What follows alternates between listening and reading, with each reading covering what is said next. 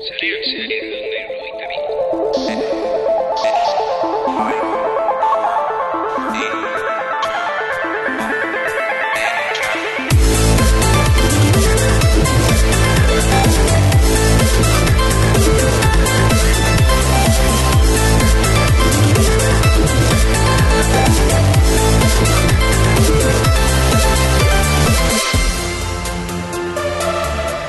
Ai, sarean zearen sintonia, bueno, betiko, betikoa esango genuke ja, mm, dut zei urte baino gehiago e, daramala gurekin e, sintonia hau bueltan da e, denboraldi honen bigarren saioan, lehenengoan e, aldatu genuelako omenaldi bezala, baina ja, e, klasikoetara bueltatu gara eta betiko e, sintoniarekin ba betiko e, gaiak komentatzeko prest gaude e, batzuk mm, berrien atalean beti bezala beste batzuk berrien ataletik kendu ditugu ja berrien e, kategoria ez jartzeko. Adibidez e, X hau da isa hau da Twitter e, enpresaren zuzendaria Linda Jakarino esan duela ba bueno ez direla e, enpresa berdina e, isa Corp enpresa berria dela eta beste modu batean egiten ari dituztela gauzak ordun e, bueno, e, ikusi behar dugula aldaketak e, dauzela Twitterren e, barkatu, esan du Twitter ez, ez, ez, ez da, ez da Twitter eh? ja, isa deitzen da, lasa, isa deitzen da e, baita ere mm, e, isari buruz hitz egiten isa tipoa, hau da el señor X emedik aurrera e, referentzia hori izango da. E, Elon Muski buruz hitz egiteko e, isa gizona, adibidez e, ba, isa gizonak esan e, du e, ba, bueno, e, hauteskundeen integritatearen e, taldea e, kaleratu duela. Ez zutelako hauteskundei buruzko integritatea bilatzen. Así que beti bezala e, ez dago berririk isaren etxean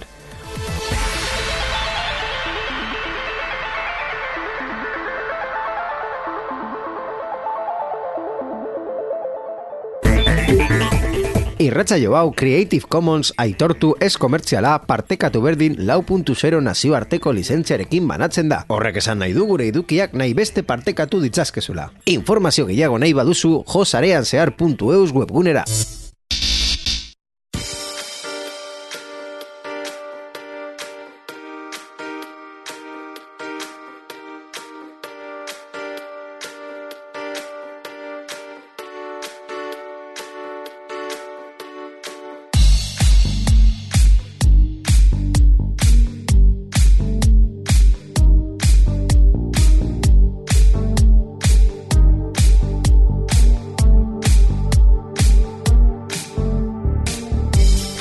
En fin, teknologiari buruz hitz egiteko tartea irekitzen dugu bi astetan behin hemen sarean zearen e, komentatu, e, komentatu dugun gauza hori hasieran esen teknologiari buruz eta esen e, oso berria betikoak betikoa egiten orduan e, ez dugu berri bezala kontatu. E, beste berri guztiak kontatzeko beti bezala eta asaltzeko eta aztertzeko beti bezala daukagu gurekin e, Borja Arbosa, Arratxaldeon, Borja? Arratxaldeon, inigo. Txe moduz? Bueno, mm, berriari buruz egin. Ez, ber, berri buruz, ez, zure bizitzari buruz, zelan astea eta bar, ondo? bueno, bai, bizitza ondo, bai. Bizitza ondo, posten naiz. En fin, eh, ondo ez dijoan eh, gauzei buruz hitz egiten, eh, orokorrean streamingaren mm, eh, merkatua merkatu esan dut, ojo streamingaren merkatua Zer gertatzen ari zaizu? Pikuta, pikutara joat- joaten ari da hor- Hau gertatzen zait Bueno, eh, hau gertatzen zait Hasta tanto nivel nire etxean egin dudala streaming servidore bat nire eh, multimedia propioarekin. Osea que, en fin, streamingaren merkatua nahiko mm, kaskar dago be, plataforma guztietan agertzen ari delako, bai, eh, presioa igo behar dela, bai, e, iragarkiak jarri behar direla, bestela sistema hau ez, ez da e, mantenduko mm, askoz gehiago. Esan dezakegu burbuia zulatu dutela. Burbuia solatu dute, horrela da. E, konkretuki, kasu batzuk e, aipatzen Netflix iragarkiak ekartzen lehenengoa izan zen, Espainian eskaintzen diren handienetakoak, e, mm, bueno, ba hori izan, izan da handiena, ala ere datozen hilabeteetan iragarkiak izango dituztela, bai estatu duten beste bi plataforma ditugu eta horrek e, nahi eta nahi ez ba, kutsatik pasatzea ekarriko digu. Duela bi hilabete Disney Plusek azarotik aurrera e, gertatzen hasiko diren aldaketa garrantzitsuak bai estatu zituen, plataforma berretzi zuen hilean e, 6 euroko iragarkikin plan berri bat iritsiko zela eta horrek ez lukeela esan nahi publizitatea nahi duenarentzat gehiago ordaindu behar denik, naiz eta trampa duen. Izan ere, plan bat izaten jarraituko dugu, ilan bederatzi eurokoa, edo e, laro mar euro e, urtean, orain arte bezala, baina irudiaren kalitatean murriztuko dute, hau da, ja ez dute lauka emango baizik eta e, mila talaroi P, e, Full HD, vale? eta Dolby Atmos soinua kenduko ditu digute ai, ez dut Dolby Atmos izango nire etxean ze galera ai, Eta zure lauka telebista ezingo duzu... Hori, hori, ba- hori, eso sí que me jode. Eh, Hor, bai, arrapatu. Ba ez izan lauka telebista, Iñigo. Bueno, a ver, eh, nire lauka telebista eh, zoragarrian mm, eh, Full HD edukia oso ondo ikusten da, orduan niri pertsonalki ez zait gehiagi importa. Esan behar dizut ere, nire eduki hoiek nire serbidorean dauzenak, orokorrean eh, mila eh, Full HD dira, orduan. Zer, eta lauka jartzeko ez mm, kristongo pisua izango zuten. Bai, e, normalean lauka e, filmak batez ere e, berrogei, berrogeita mar e, gigatan daude, orduan Ez daukagu superordenagailuak hori guztia gordetzeko. Sortxitera dauzkat e, e, ia laureun pelikula baino gehiago e, gordetzeko ba, en fin, Bai. ez dago hainbeste Liburutegia nahiko potolo izan ba, nahi baduzu, ba, lauka ez da hain garrantzitsua. Ez, ez da ingarrantzitsua eta gero e, irudia bera transmititzeko internet bidez e, ez da oso praktikoa, orduan momentuz Full HD-en e, ondo gaude. E, iragarkiak bai estatu dituen e, plataforma e, Amazon Prime Video izan da, naiz eta e, azkena ez dela izango e, iragarkiak izango e, duena. Duela astebete baino gehiago egin zuen aurreko aurrekoetan ikusi gabeko modalitatearekin. E, izan ere serian iragar, iragarkiak ekarriko ditu, bai ala bai, e, hau da, seriak e, ikusten badituzue hor, e, iragarkiak izango dira, e, plataformak ez du plan berririk gehituko eta ez du aldatuko 2022an igo zuen e, presioa e, baina bai gauza bat sartuko du ni, niri Jo. asko interesatzen zaidana Eh, The Boys? The Voice, bai, The Voice UK The Boys are back. The Voice, The Voice UK, Susan Boyle, hor, eh, bueno, Susan Boyle no, no nagertu zen, eh, esen eh, Got Talent, no? Ba, eh, bai, uste bai dela Got agertu Talent. zen, es que pasaren, Uste duzela Got Talent. Got Talent edo The X Factor. pa, eh, eh, pasaden astean agertu zitzaidan Spotify eh, bere abesti bat eta mm, pentsatzen utzi nindun eh, pentsat Britain's Got Talent Got Talent. Got Talenten Bai. izan zen eh, ba bueno bai, eh, bai imaginatzen duzue Operación Triunfo eh, bueltan dagoela eh, kasu honetan Prime Videon eta eh, hilabet, bueno, urrengo hilabetean eh, a- azaroaren hogeian hasiko direnez, ba, Baina- insoportable gongo naiz. Guztio jakin nahi duguna momentu hontan inigo zure podcast Opera Triun- Triunfori buruz bueltan egongo da baita ere. Bueno, eso, hori ikusiko dugu. Beste partearekin hitz egin behar dut, eh, Cruza la pasarela. bai, Inigoren podcast da Operación Triunfori buruz. inigo erena bakarrik ez da. Bai, egia da. En fin, eh, horrela banatzen dut nire bizitza, martxotik, eh, mm, azaror arte bat formula, eta azarotik martxora operazio trufo. Ya Bueno, está. bai, bai. Cojonudo. Mom- Momentu honetan beste podcast bati buruz egin dezakegu promozioa nahi badu la, la Peluz podcast F1 hori buruzkoa erdaraz, kasu honetan Bai. eh, hori esan behar da Saiatu genuen euskaraz egiten baina bueno, ez zein hain arrakastatxo izan. Bai, hori- bueno, egia esan da, ez dakit ze... ze bueno, Lehiaketa bat iragaz, irabazi genuen gutxinez. Bai, bai, hori, hori bai, baina... ez Erdaraz ez genuen irabazi. Ez dakit zenbat eh, entzule dauzkagun La Peluz podcast horretan, osea que... A Bueno. saber, en fin. Eh, gure podcastei buruz hitz egiten bukatu dugunez... Bai, bueno. eh, Amazon Prime Video nahi baduzu jarraitu, oso ondo iragarkiak izan du dituzu. Nahi gela ez, hau da, ez da diru gehiago ordaindu eta publizitatearik ez, eh, momentuz ez dute hori esan. Mhm. Disney Plusekin jarraitu nahi baduzu eta prezio berberean, ba, kalitatea murriztuko dute. Eta hor ja zu ikusi nahi baduzu ordaindu gehiago hor eh, laukan eta Dolby Atmosekin ikusteko, ikusten jarraitzeko. Mhm. Eta Netflixen kasuan estás jodido. Orduan, eh, uste dute bere plan eh, merkeena zera 6 euro eta eta iragarkiekin eta uste du baita ere kalitatearen arloan ez zela tope de gama. Bueno, egia da ere, eh, hainbeste... Eta, eta kontu individuala, ez, ez dugula Claro, kontatu eh, claro. Amazonen edo Disneyen, Disney ez uste du eh, esan dutela, ja eh, Akontua akontua partekatzea. agur zuberoa. Eh, el compartir se va a parir.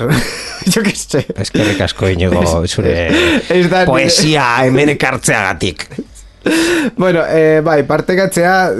Gustatu zaizurea, partekatzea doa zu... da? Zu, agur zuberoa. Zuberoa. Partekatzea agur zuberoa, oso ondo. Eh, bueno, eh, Disney Plusen kasuan... mm, Eh, es que uste dut sortzi profil, eh, zei edo sortzi profil. Bai, bai, bai. Eh, onartzen Porroi bat. Orduan, Netflix bezala egiten badute, pues, eh, kaka, baina, Mhm. bueno, eh, orokorrean... Eh, Seiretik irura edo sei bi iru, baina bueno, eske mm, ba, badakizu zenbat margen daukazu, seitik zero, ba, bueno, mm, baina beitu. Netflixen bosta kontu jartzen zituzten familian, ez? Eh, Eh, pa, uste bueno, dut zela uste familia plana horrela. Uste dut, eh, direla bost baino etxe berean. Bai, bai, bai, bueno. Edo este, beste etxe Ni bat... kontatzen ari naiz orain dela mm, urte pare bat. Jendea hor familia, familia ez familia zen, baina Bai. familia bezala egiten zuena kontua. Bai, eh, en fin, azken finean, ba, bueno, streamingaren, eh, esan duzun bezala streamingaren burbuilla Puskatu da. eh, puskatu da guztiz, eta nolabait konpondu behar da hau, eh, presioak igotzen Mm. orokorrean, ez, dit- ez, osea, ez delako jasangarria eh, mm, eduki propioak egitea, presioak mantentzea, Eh, edo be- bestela filmin bezala egiten duzu presioak mantentzen dituzura, baina zure edukia da basicamente Enrique Cerezo bere ekoizpen eh, enpresan daukan eh, artxibo guztia. Bai, bai, bai. ya está. Baina, e, e, eta ez da, ez da bakarra, e, kirolen arloan adibidez, dazon nondik hasi eta non dagoen ahora. Bai. Eta orain kompetentzia atera zaio, zeren Movistar bere plataforma independientea katkotxon artean bueno. ez, du, ez duzula kontratatu beharrik telefonoa, internet, finkoa, mugikorra eta pakete fusioi guztia, baizik eta bakarrik e, uste dela amalau euro hilero eta ordaindu izateko beste plataforma, beste plataforma bat da. Bai, Zenbat plataforma daude jadanik? Gehiegi. Gehiegi. Ikusi dugun bezala. Zigurrenik gehiegi. merkatua a- hartu ahal duen baino gehiegi. Bai, baina askoz gehiago esango nuken.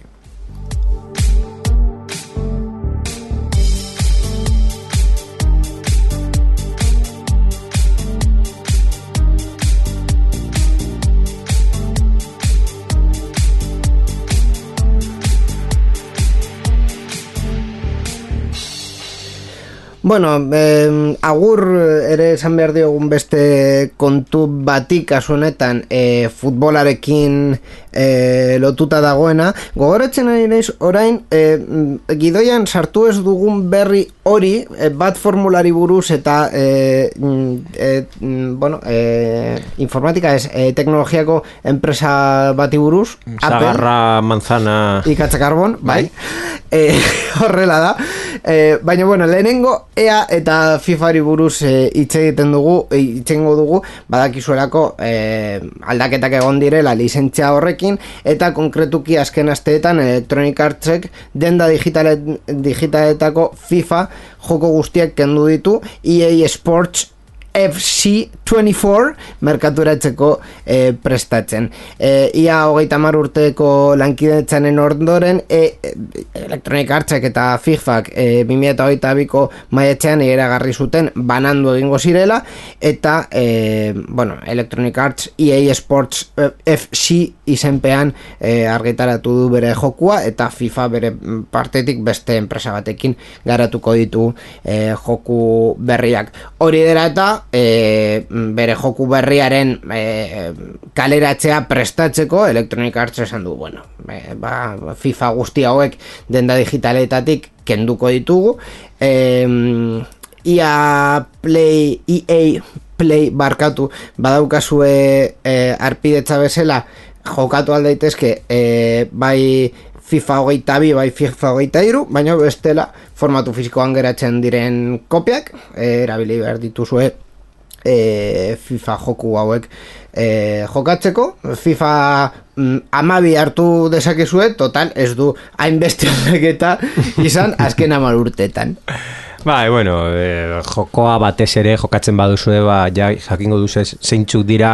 Ba, batez ere mekanikak eta nola funtzionatzen du jokoa eta nola interneten bidez eta konexioa eta arpidetza dela eta ba, atera dute, bueno, ja, gehiengoa jakiten duela sobreak eta FUT, FIFA Ultimate Team, hoi guztia inventatu zutena ba, jendea bere diruak gastatzeko eta diru sarrera gehiago emoteko. E, kasu hontan, ba, mantenduko dute batez ere produktua, baina mm, e, ba, ikusiko dugu lizentziarik gabe jendea mm, proiektuaren e, konfidentza jarraitzen izango badu edo ez. E, ni, beitu, e, berri hau irakurtzerakoan lehenengo galdera egin dudana, ba, zergatik ez dago hemen gaizka, bideojokoen arloa dela eta baina gero jarraitu du pentsatzen eta zenbat aldiz gaizka jokatu duen futboleko jo, jo, jokuren bat. jokuren bat konkretuki hau eta nigo goratzen du momentu bakarra ez, zero ez, bat streaming bat egin genuen bai, hemen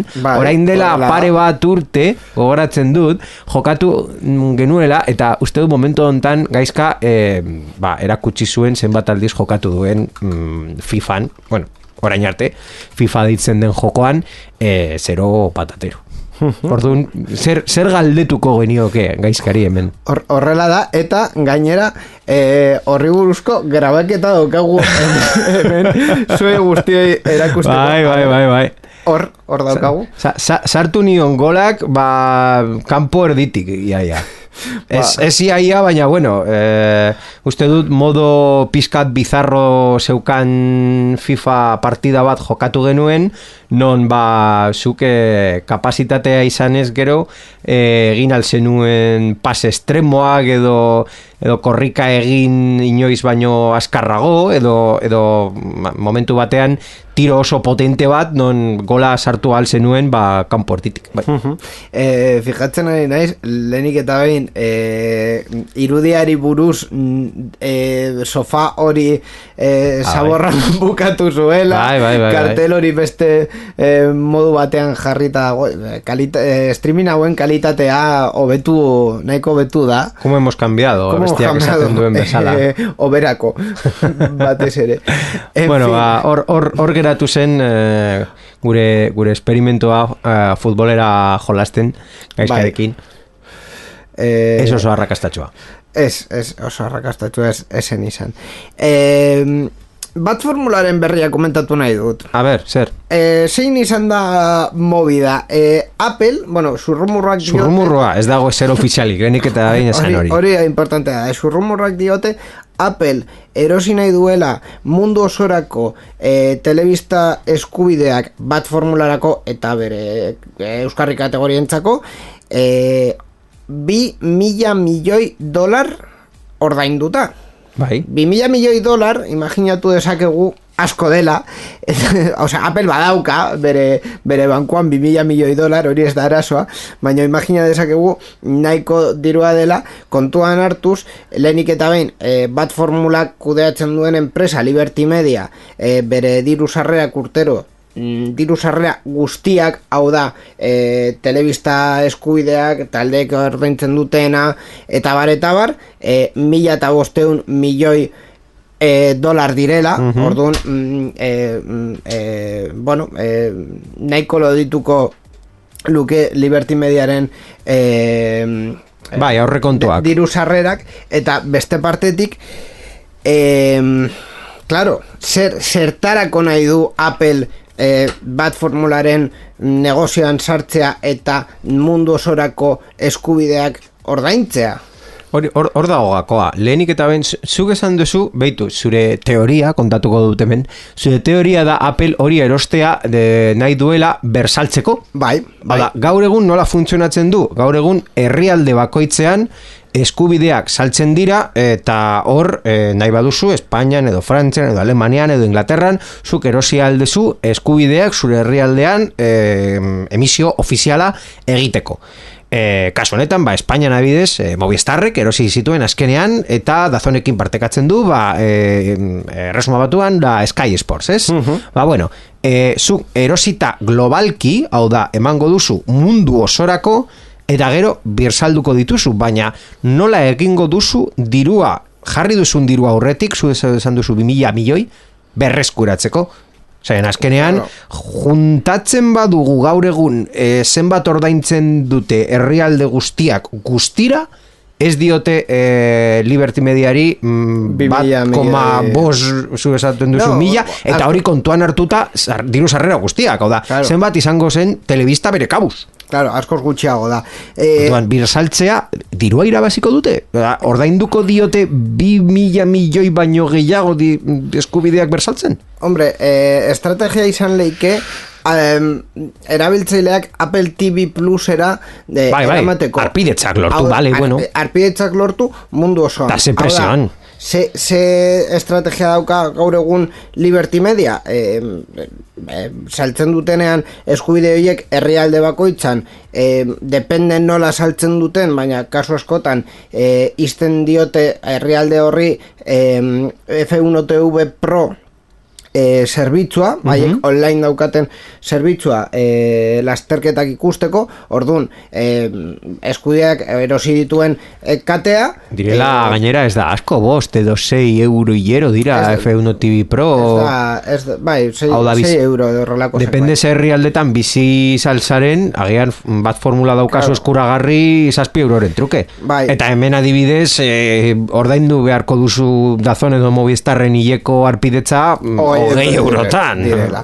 Orduan, e, kontua da Berdintasuna, non dago berdintasuna Claro, hemen? ko- kontua da e, mundu osoan dauden eunta largoita masei herrialdeetatik hogeita marretan gutxi gora bera ez duela e, Liberty Media zuzenean saltzen bere zerbitzua eta bat formula ikusi nahi baduzu e, telebista hauen bitartez e, izan behar da, beste guztietan, ba bueno, e, diru sarrera zuzenean Liberty Mediara doa. Ze egin aldua, maz, e, barkatu, Apple, ba kasu honetan, e, mm, behartu Liberty Mediari F1 TV Pro hori istera, Apple TV Plus e, zerbitzuan ikusteko bat formula e, saldu ez duten herrialde horietan eta e, jarraitu herrialde batzuetan eskubideak e, saltzen, ba, adibidez Espainian, Frantzian, Alemanian eta bar e, beste enpresa batzuk daudela interesatuta e,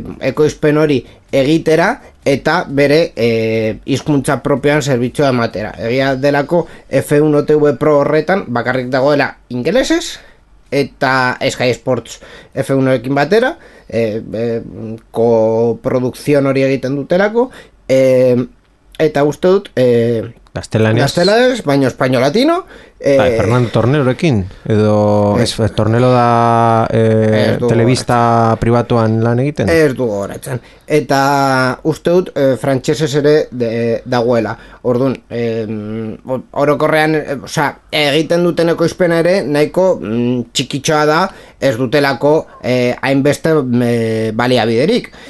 E, mm, eta hau ez dut uste Apple bat batean e, txinatarrean egingo lukela e, mm, txinatarrean edo japonieraz edo ez dakit e, Bueno. ekoizpen hori orduan estrategia nahiko mm, berezia izango lukete e, hau aurrera eramateko Ni ez, ez bada mundu osoan beraiek saltzeko eh, F1 TV Pro egiten den bezala, baina mundu osoan ez dut hainbeste ikusten. Pues es que bersaltzeko ze prezioa jarriko diozu interesgarria izateko telebista nazionalentzat eta gainera zu dirua irabasteko. Si ja erosi duzu a, bere prezioaren bikoitza.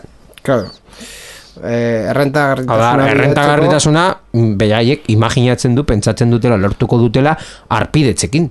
Mhm. Eta ez beste mota bateko eh, ekoizpenekin. Bueno, ed- edo agian ere, eh, hau izan leike, eh, mm, bueno, bere plataformara eramateko... Edo agian zurrumurrua bakarrik da eta Apple ez dago interesekin eta beraiek e, Liberty Media kasu, kasu honetan zurrumurroa bota dute beste kateak e, hor e, gaztelega esaten bezala orejas al lobo eh? Bai, eh, Otsoari ikusteko hor be- eh, beste katek dirua jartzeko... eh, jarri hemen que si no etortzen da Apple eta eh, Claro. eramaten da eta eta Apple esaten badu esetz, ez, ez, ez, eh, konfunditu naiz. Amazon, Amazon esan nahi nuen. Eh, Amazon desmintit, ah, Google, Google. beste bat, beste bat. Ze akordeo, ba, horre, ah, honi buruz hitz egiten, ze akordeo izango dute eh, Fox eta eh, Liberty Media kontua da, eh, ez bada inoiz fijatu, eh, Fox eh, estatu batuetan emititzen du, dituen programak eh, bat formulari buruz, dira eh, Sky Sports eh, F1 eh, erresuma batuko egiten duena, pero mm, re- repetido, osea, ez dute eser, eser aldatzen ingelesez egia ere, ez. denez, eh, bat, badirudi ordaindu diotela Bueno, e- ekoizpena egiteko, ez? ekoizpen hori eta Eta gur, bueno, y, y el lote, Bai. palante Bueno, hori- hori bere gauza da. Hmm. Ni hoia ez, ezin dut imaginatu. Ni pentsatzen nuen Amazonen kasuan, zen Amazon jadanik eh, babesle da, eh, bat formulan.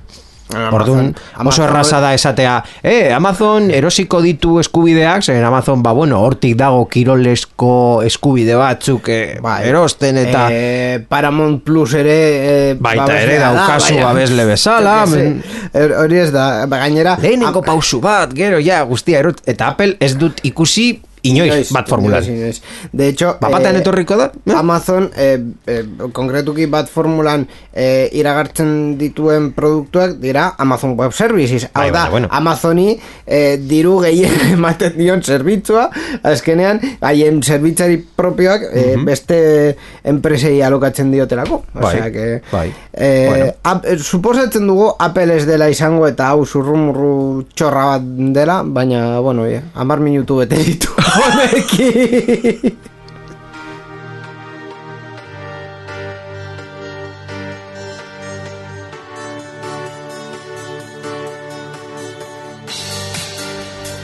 En fin, ondo ez badugu pasatu eh, bat formularen kontuekin legei buruz hitz egingo dugu. Bueno, legei buruz ez dugu hitz eta kakotxen artean. Legei buruz hitz egin genuen pasaren programan merkatu digitalaren legea eta Europar batasunari buruz, baina hau ez da legei buruzko berria, baizik eta adimen artifizialari buruzko berria. Baia, ez Eta hau kontatu behar duzen, eta inigo, ba, ez dakit ze mania hartu dion adiben artifizialari, Ez, ez dakit zergatik, agian eh, duela sei hilabetetik ona dena delako eh, adimen artifiziala eta produktu guztietan, osea, Bai. faltatzen da, norbaitek eh, eh, kaleratzea izotz bat adimen artifizialarekin eginda. ba, O agian sea, egin de dute. hecho, de hecho, de hecho, ojo, Coca-Cola, uste dut Coca-Cola izan zela, e, mm, s- e, zapore berri bat e, Bai. kaleratu du, adimen artifizialekin egin, osea, Bai, ja, es bai. que no, no, no, no, ez, Bai, bai, ez, bai, bai. ez, ez, ezin dut gehiago, ezin Hau da, hau da de, de adimen artificial momentum. Ez, ezin dut gehiago, de verdad. Ez que hau ezin bizkoa da. Eh, es- esaten, iragarkia esaten duen bezala The Age of Aquarius, ba, hau da The Age of... Eh, ai. Eh, AI, yes, of course.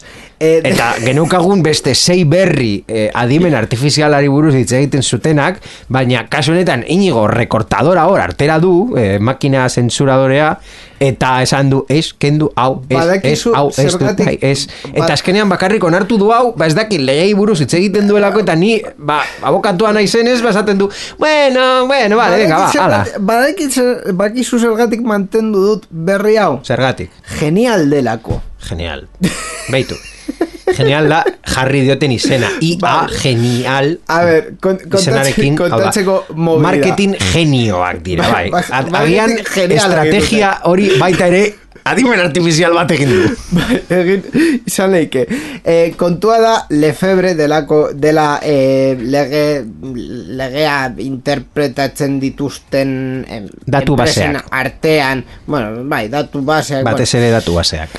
E, gutxi gora bera guztia egiten dute datu baseak legedia jurisprudentzia gauza asko mm, iz- izaten dute datu base horri, horietan eta batez ere bi enpresa daude hor mm, e, bata dela Lefebre eta bestea uste dela Hueslo Aranzadi Uste Ba, ba, batzuk, baina bueno, ez kontatuko eta publizitate egin, ba, bueno, bueno. pero bueno, eh, merkatua pizkat Ubelex, Walter. Klube, Lefebre, Aranzadi, ba, mm, Bai. Tiraldo Blanc, bueno, Hiru lau daude merkatu horretan. Ba, mm, hauen artean bat dela Lefebre, eh, genial, es que ezin dut, genial aurkeztu du, genial dela genera, generatzea, gen, de generar, gen, ia eh, inteligencia artificial, eta guion L, de lei. Ba, genial, vale?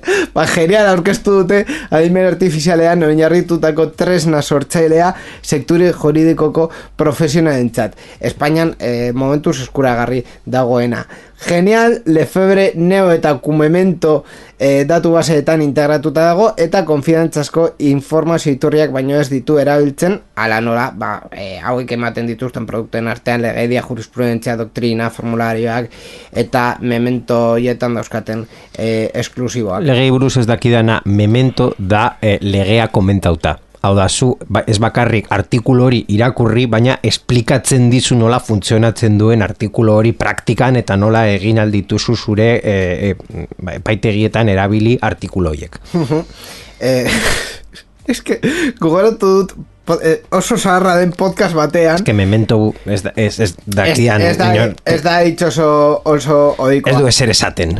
Eh, oso zaharra den podcast batean memento hitzarekin txiste bat egiten zuten gazteleraz zela Memento pelikula bat da, ez? memento pelikula bat da eta gainera txistea zen ah, memento, tú te mentas, yo me freso. Oh, Genial, en fin eh, Movida da, ba, bueno eh, Emaitza egituratuak sortuko duela Adimen artifizial honek Eduki zorrotzean oinarritutako Ondorioekin Erabiltzaileen askar eta Erraz, Lefebreren adimen artifizial sortzaile honek soluzio berriari eh, soluzio berri honi esker lenguaia natura ekosistemarekin elkar eragin daiteke. Zer esan nahi du hau?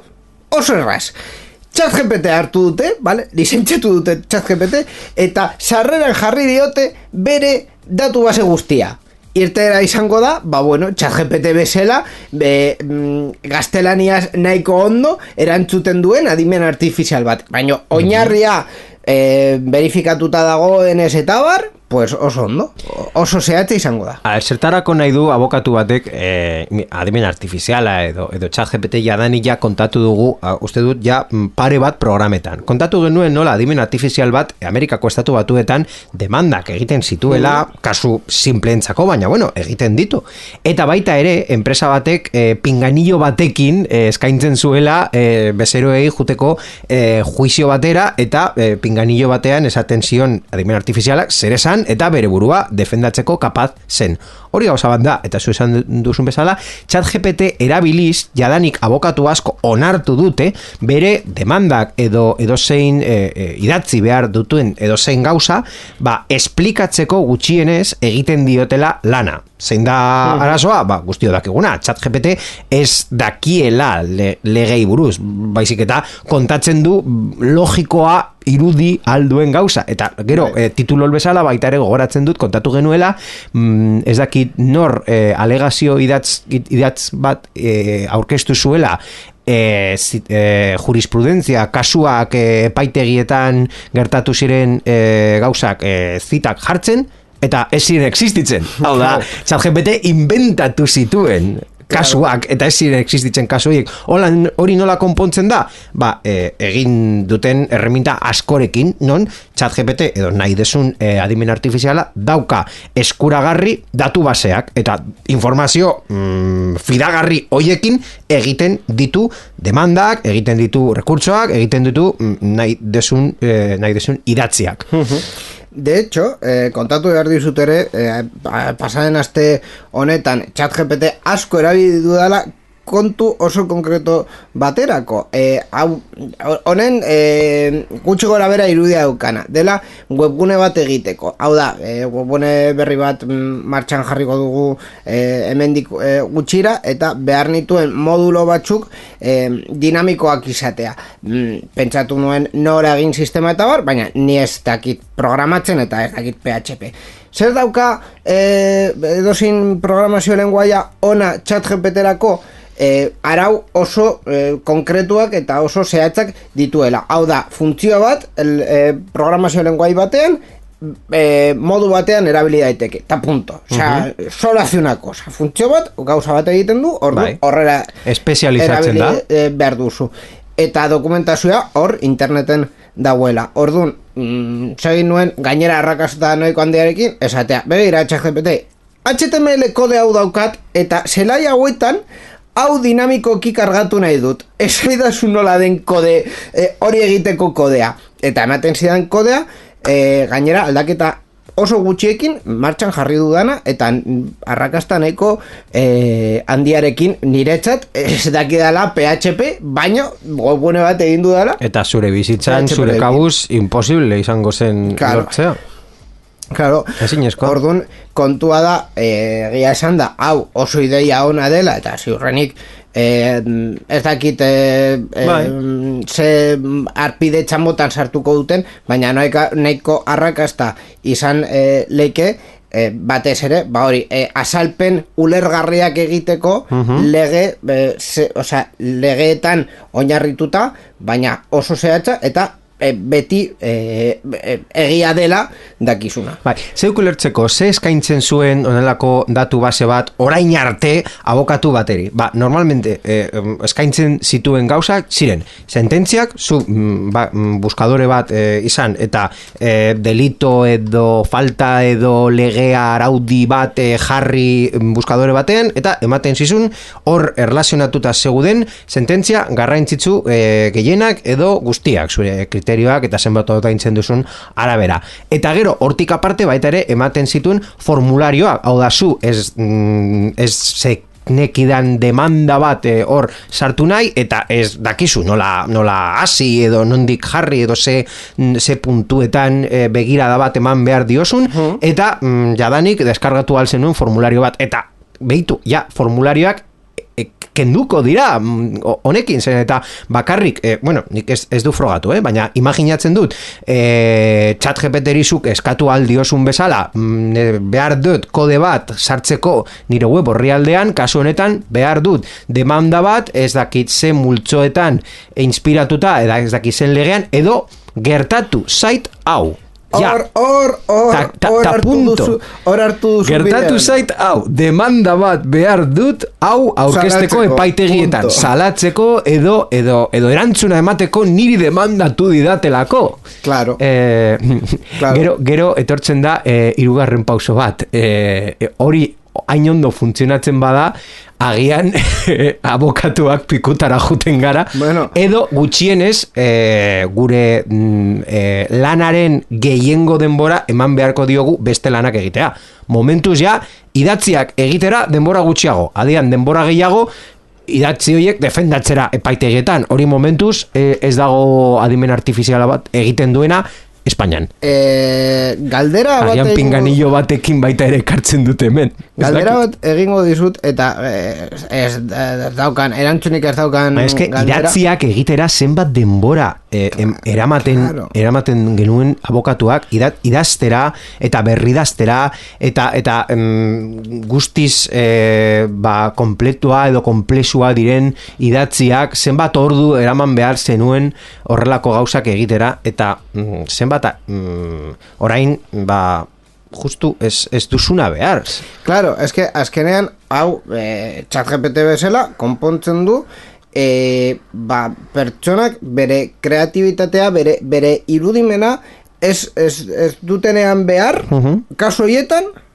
e, mm, ChatGPT erabili dezakezu. Bai. Osea, e, ni hemen beti, bet, beti da nik esan dudana. E, lan kreatiboak e, pertsonekin egiten direnak eta e, orokorrean e, mm, ba bueno, e, makina batek nahiko gaizki egin ditu e, egiten dituen lanak honek ez, ez du ordezkatuko. E, ordezkatuko ditu e, lan mm, e, mekanikoak. Bai. eta hori Eta azkenean demanda bat egitea mekaniko asko dauka zeren sartzen duzun e, palabreria asko demanda guztietan dago. Bueno, zu Claro. dakizun abokatu esarala baina ikusi duzula nola egiten dugun de- demandak eta eta sartzen duzun eduki askok mm, berriro eta berriro eta berriro errepikatzen dira eta kaso askotan bakarrik begira bada jarri behar duzu aberia legea aldatu duen edo berdina jarraitzen Claro, den. eta eh, Izaten. eta ikusten baduzu eh, boen ez dela aldatu lege hori duela Vale. eh, bost sei urte demanda- orain dela osea, bosei urte aurkeztu nuen testu- demanda, claro, iaia guztia balio du. kodea, listo eh, erantzunik gabeko galdera da zenbat kostatzen duen genial hau ez dute argitaratu, orduan ja lefebreri kontsultatu behar diozu eta tarifa a saber zenbat izango den. Kontsulta egiten baduzu Borja, konta iguzu a ber zenbat kobratzen dizuten. Kontatuko du zeren eh, esango dizu ja eh, primizia esklusiba niri eh, eskaini didatela eskaini didatela Bai. hau baina ez naiz oraindik esan eh, ezer esan ez, ez bai ez ez, ez, ez ba- bakarrik eh, oso ondo ja kontaktatuko du nahi badut hau frogatu eh, frogapena es, os, eskaintzen dizute zu erreminta frogatzeko eta gero ja esaten dizute presioak ba, bueno, Ba, aukera, arau- aukera badaukat eh, egingo dut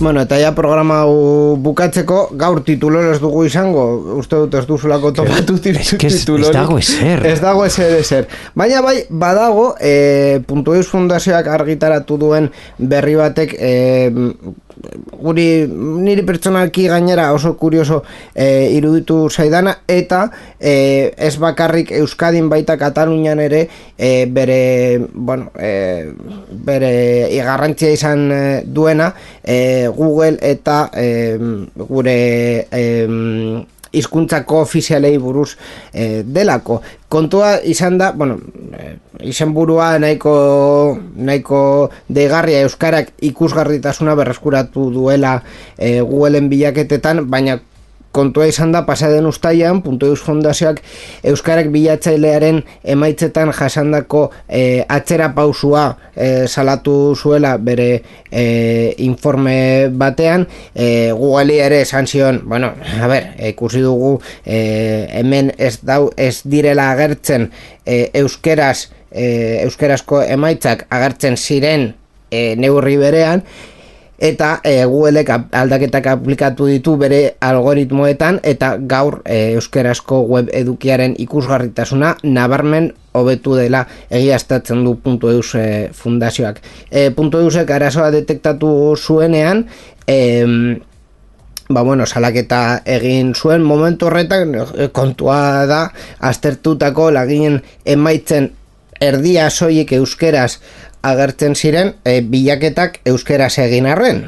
E, bueno, Googleekin hitz egin zuten eta laburpen oso handia egiten, gaur egun e, emaitz hori euneko irurogeita mairur arte e, igo da, orduan, e, ba, bueno, e, egoera hobetu dute Googleen kolaborazioarekin. Ba, bueno.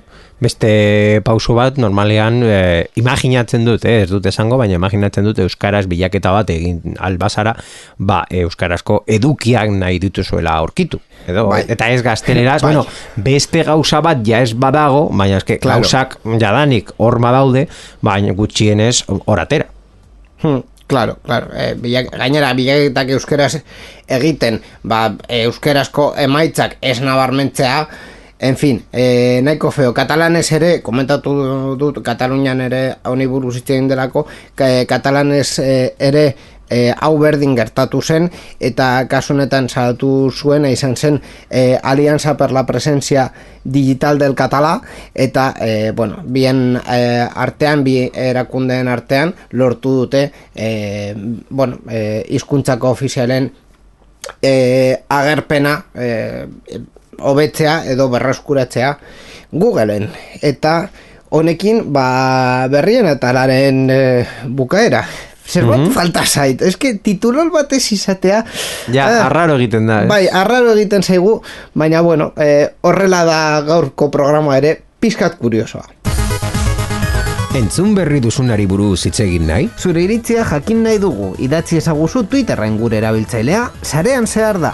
Gure Twitcheko emanaldietan ere parte hartu eta zure iritzia eman dezakezu programa egiten dugun bitartean. twitch.tv barra sarean zehar. Gainera, zure ekitaldiaren edo ideiaren berri eman nahi baduzu, posta elektronikora idatzi diezagukezu info abildua sarean zehar.eus. Sarean zehar, zure mezuen zain.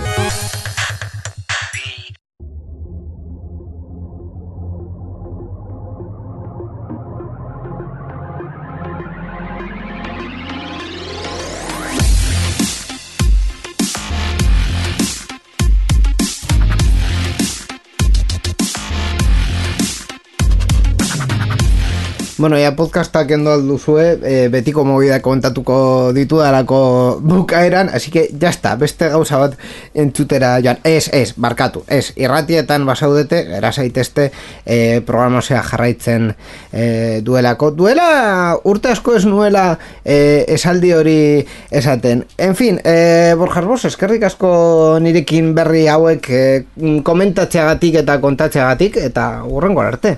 Eskerrik asko inigo eta entzule guztioi, ba, aurrengo programa arte. Beti bezala berrikuspen teknikoan Mikel Carmona egon da, baita ere eh, eskertu behar diogu eh, irratietan dauden ekoizpen eta teknikari taldeei programa honen emisioa posible egiteagatik.